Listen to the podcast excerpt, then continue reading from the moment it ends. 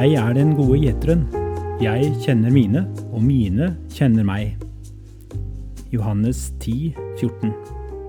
Jeg hadde den store glede å være prest på to konfirmasjonsgudstjenester i bymenigheten sist lørdag. Det var en etterlengtet dag for både konfirmanter, familier og oss som har fulgt denne gjengen gjennom over ett år.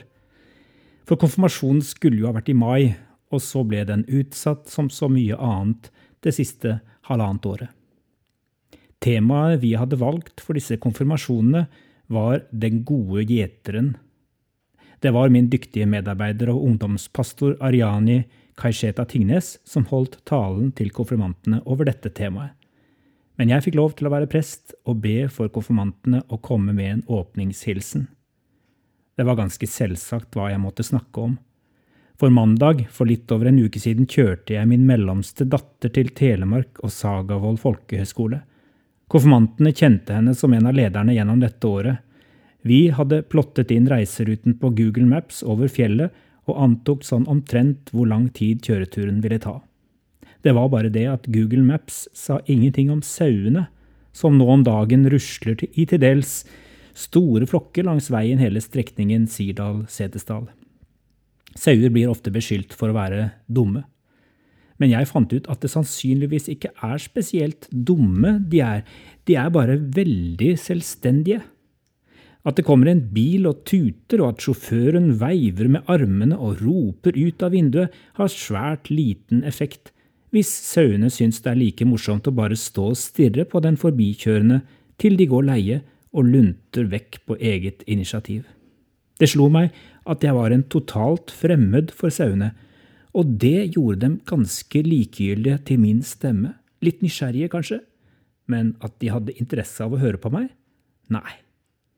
Sauer er altså ikke nødvendigvis dumme, og konfirmanter er i hvert fall ikke dumme, de er mer selvstendige, reflekterte og oppe.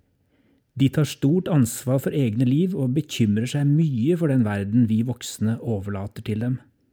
Men som sauene opplever de det tryggest å holde sammen i flokk, for selv om de er aldri så selvstendige individer, de trives best når de kan henge på noen andre. Og så er jeg overbevist om at de hører på den som eier dem, og som de har hørt stemmen til siden de var små. Bonden ville hatt en helt annen autoritet enn meg hvis hun hadde kommet og sagt ifra der langs veien. Dette året har vi forsøkt å hjelpe konfirmantene til å lytte godt etter og gjøre seg kjent med en helt spesiell stemme.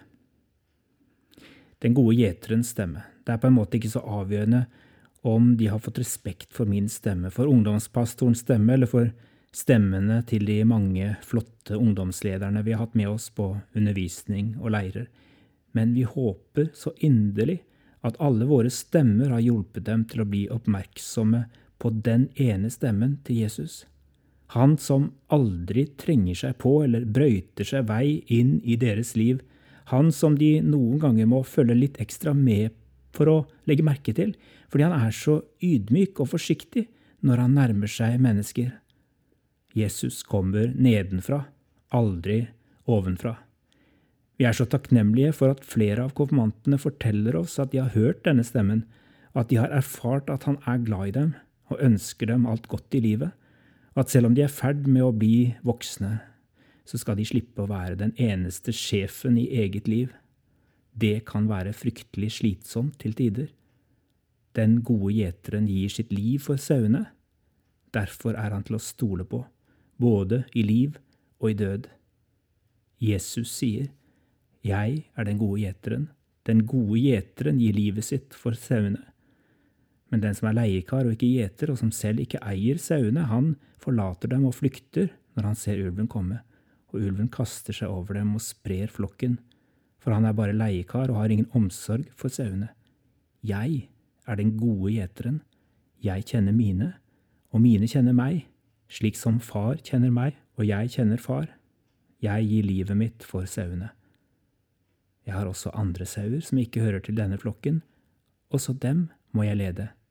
De skal høre min stemme, og det skal bli én flokk og én gjeter. Jeg håper ikke du som hører på, tenker at du er for voksen til å ha en god gjeter i livet. Han kjenner deg. Kjenner du han? Ha en velsignet dag der du er.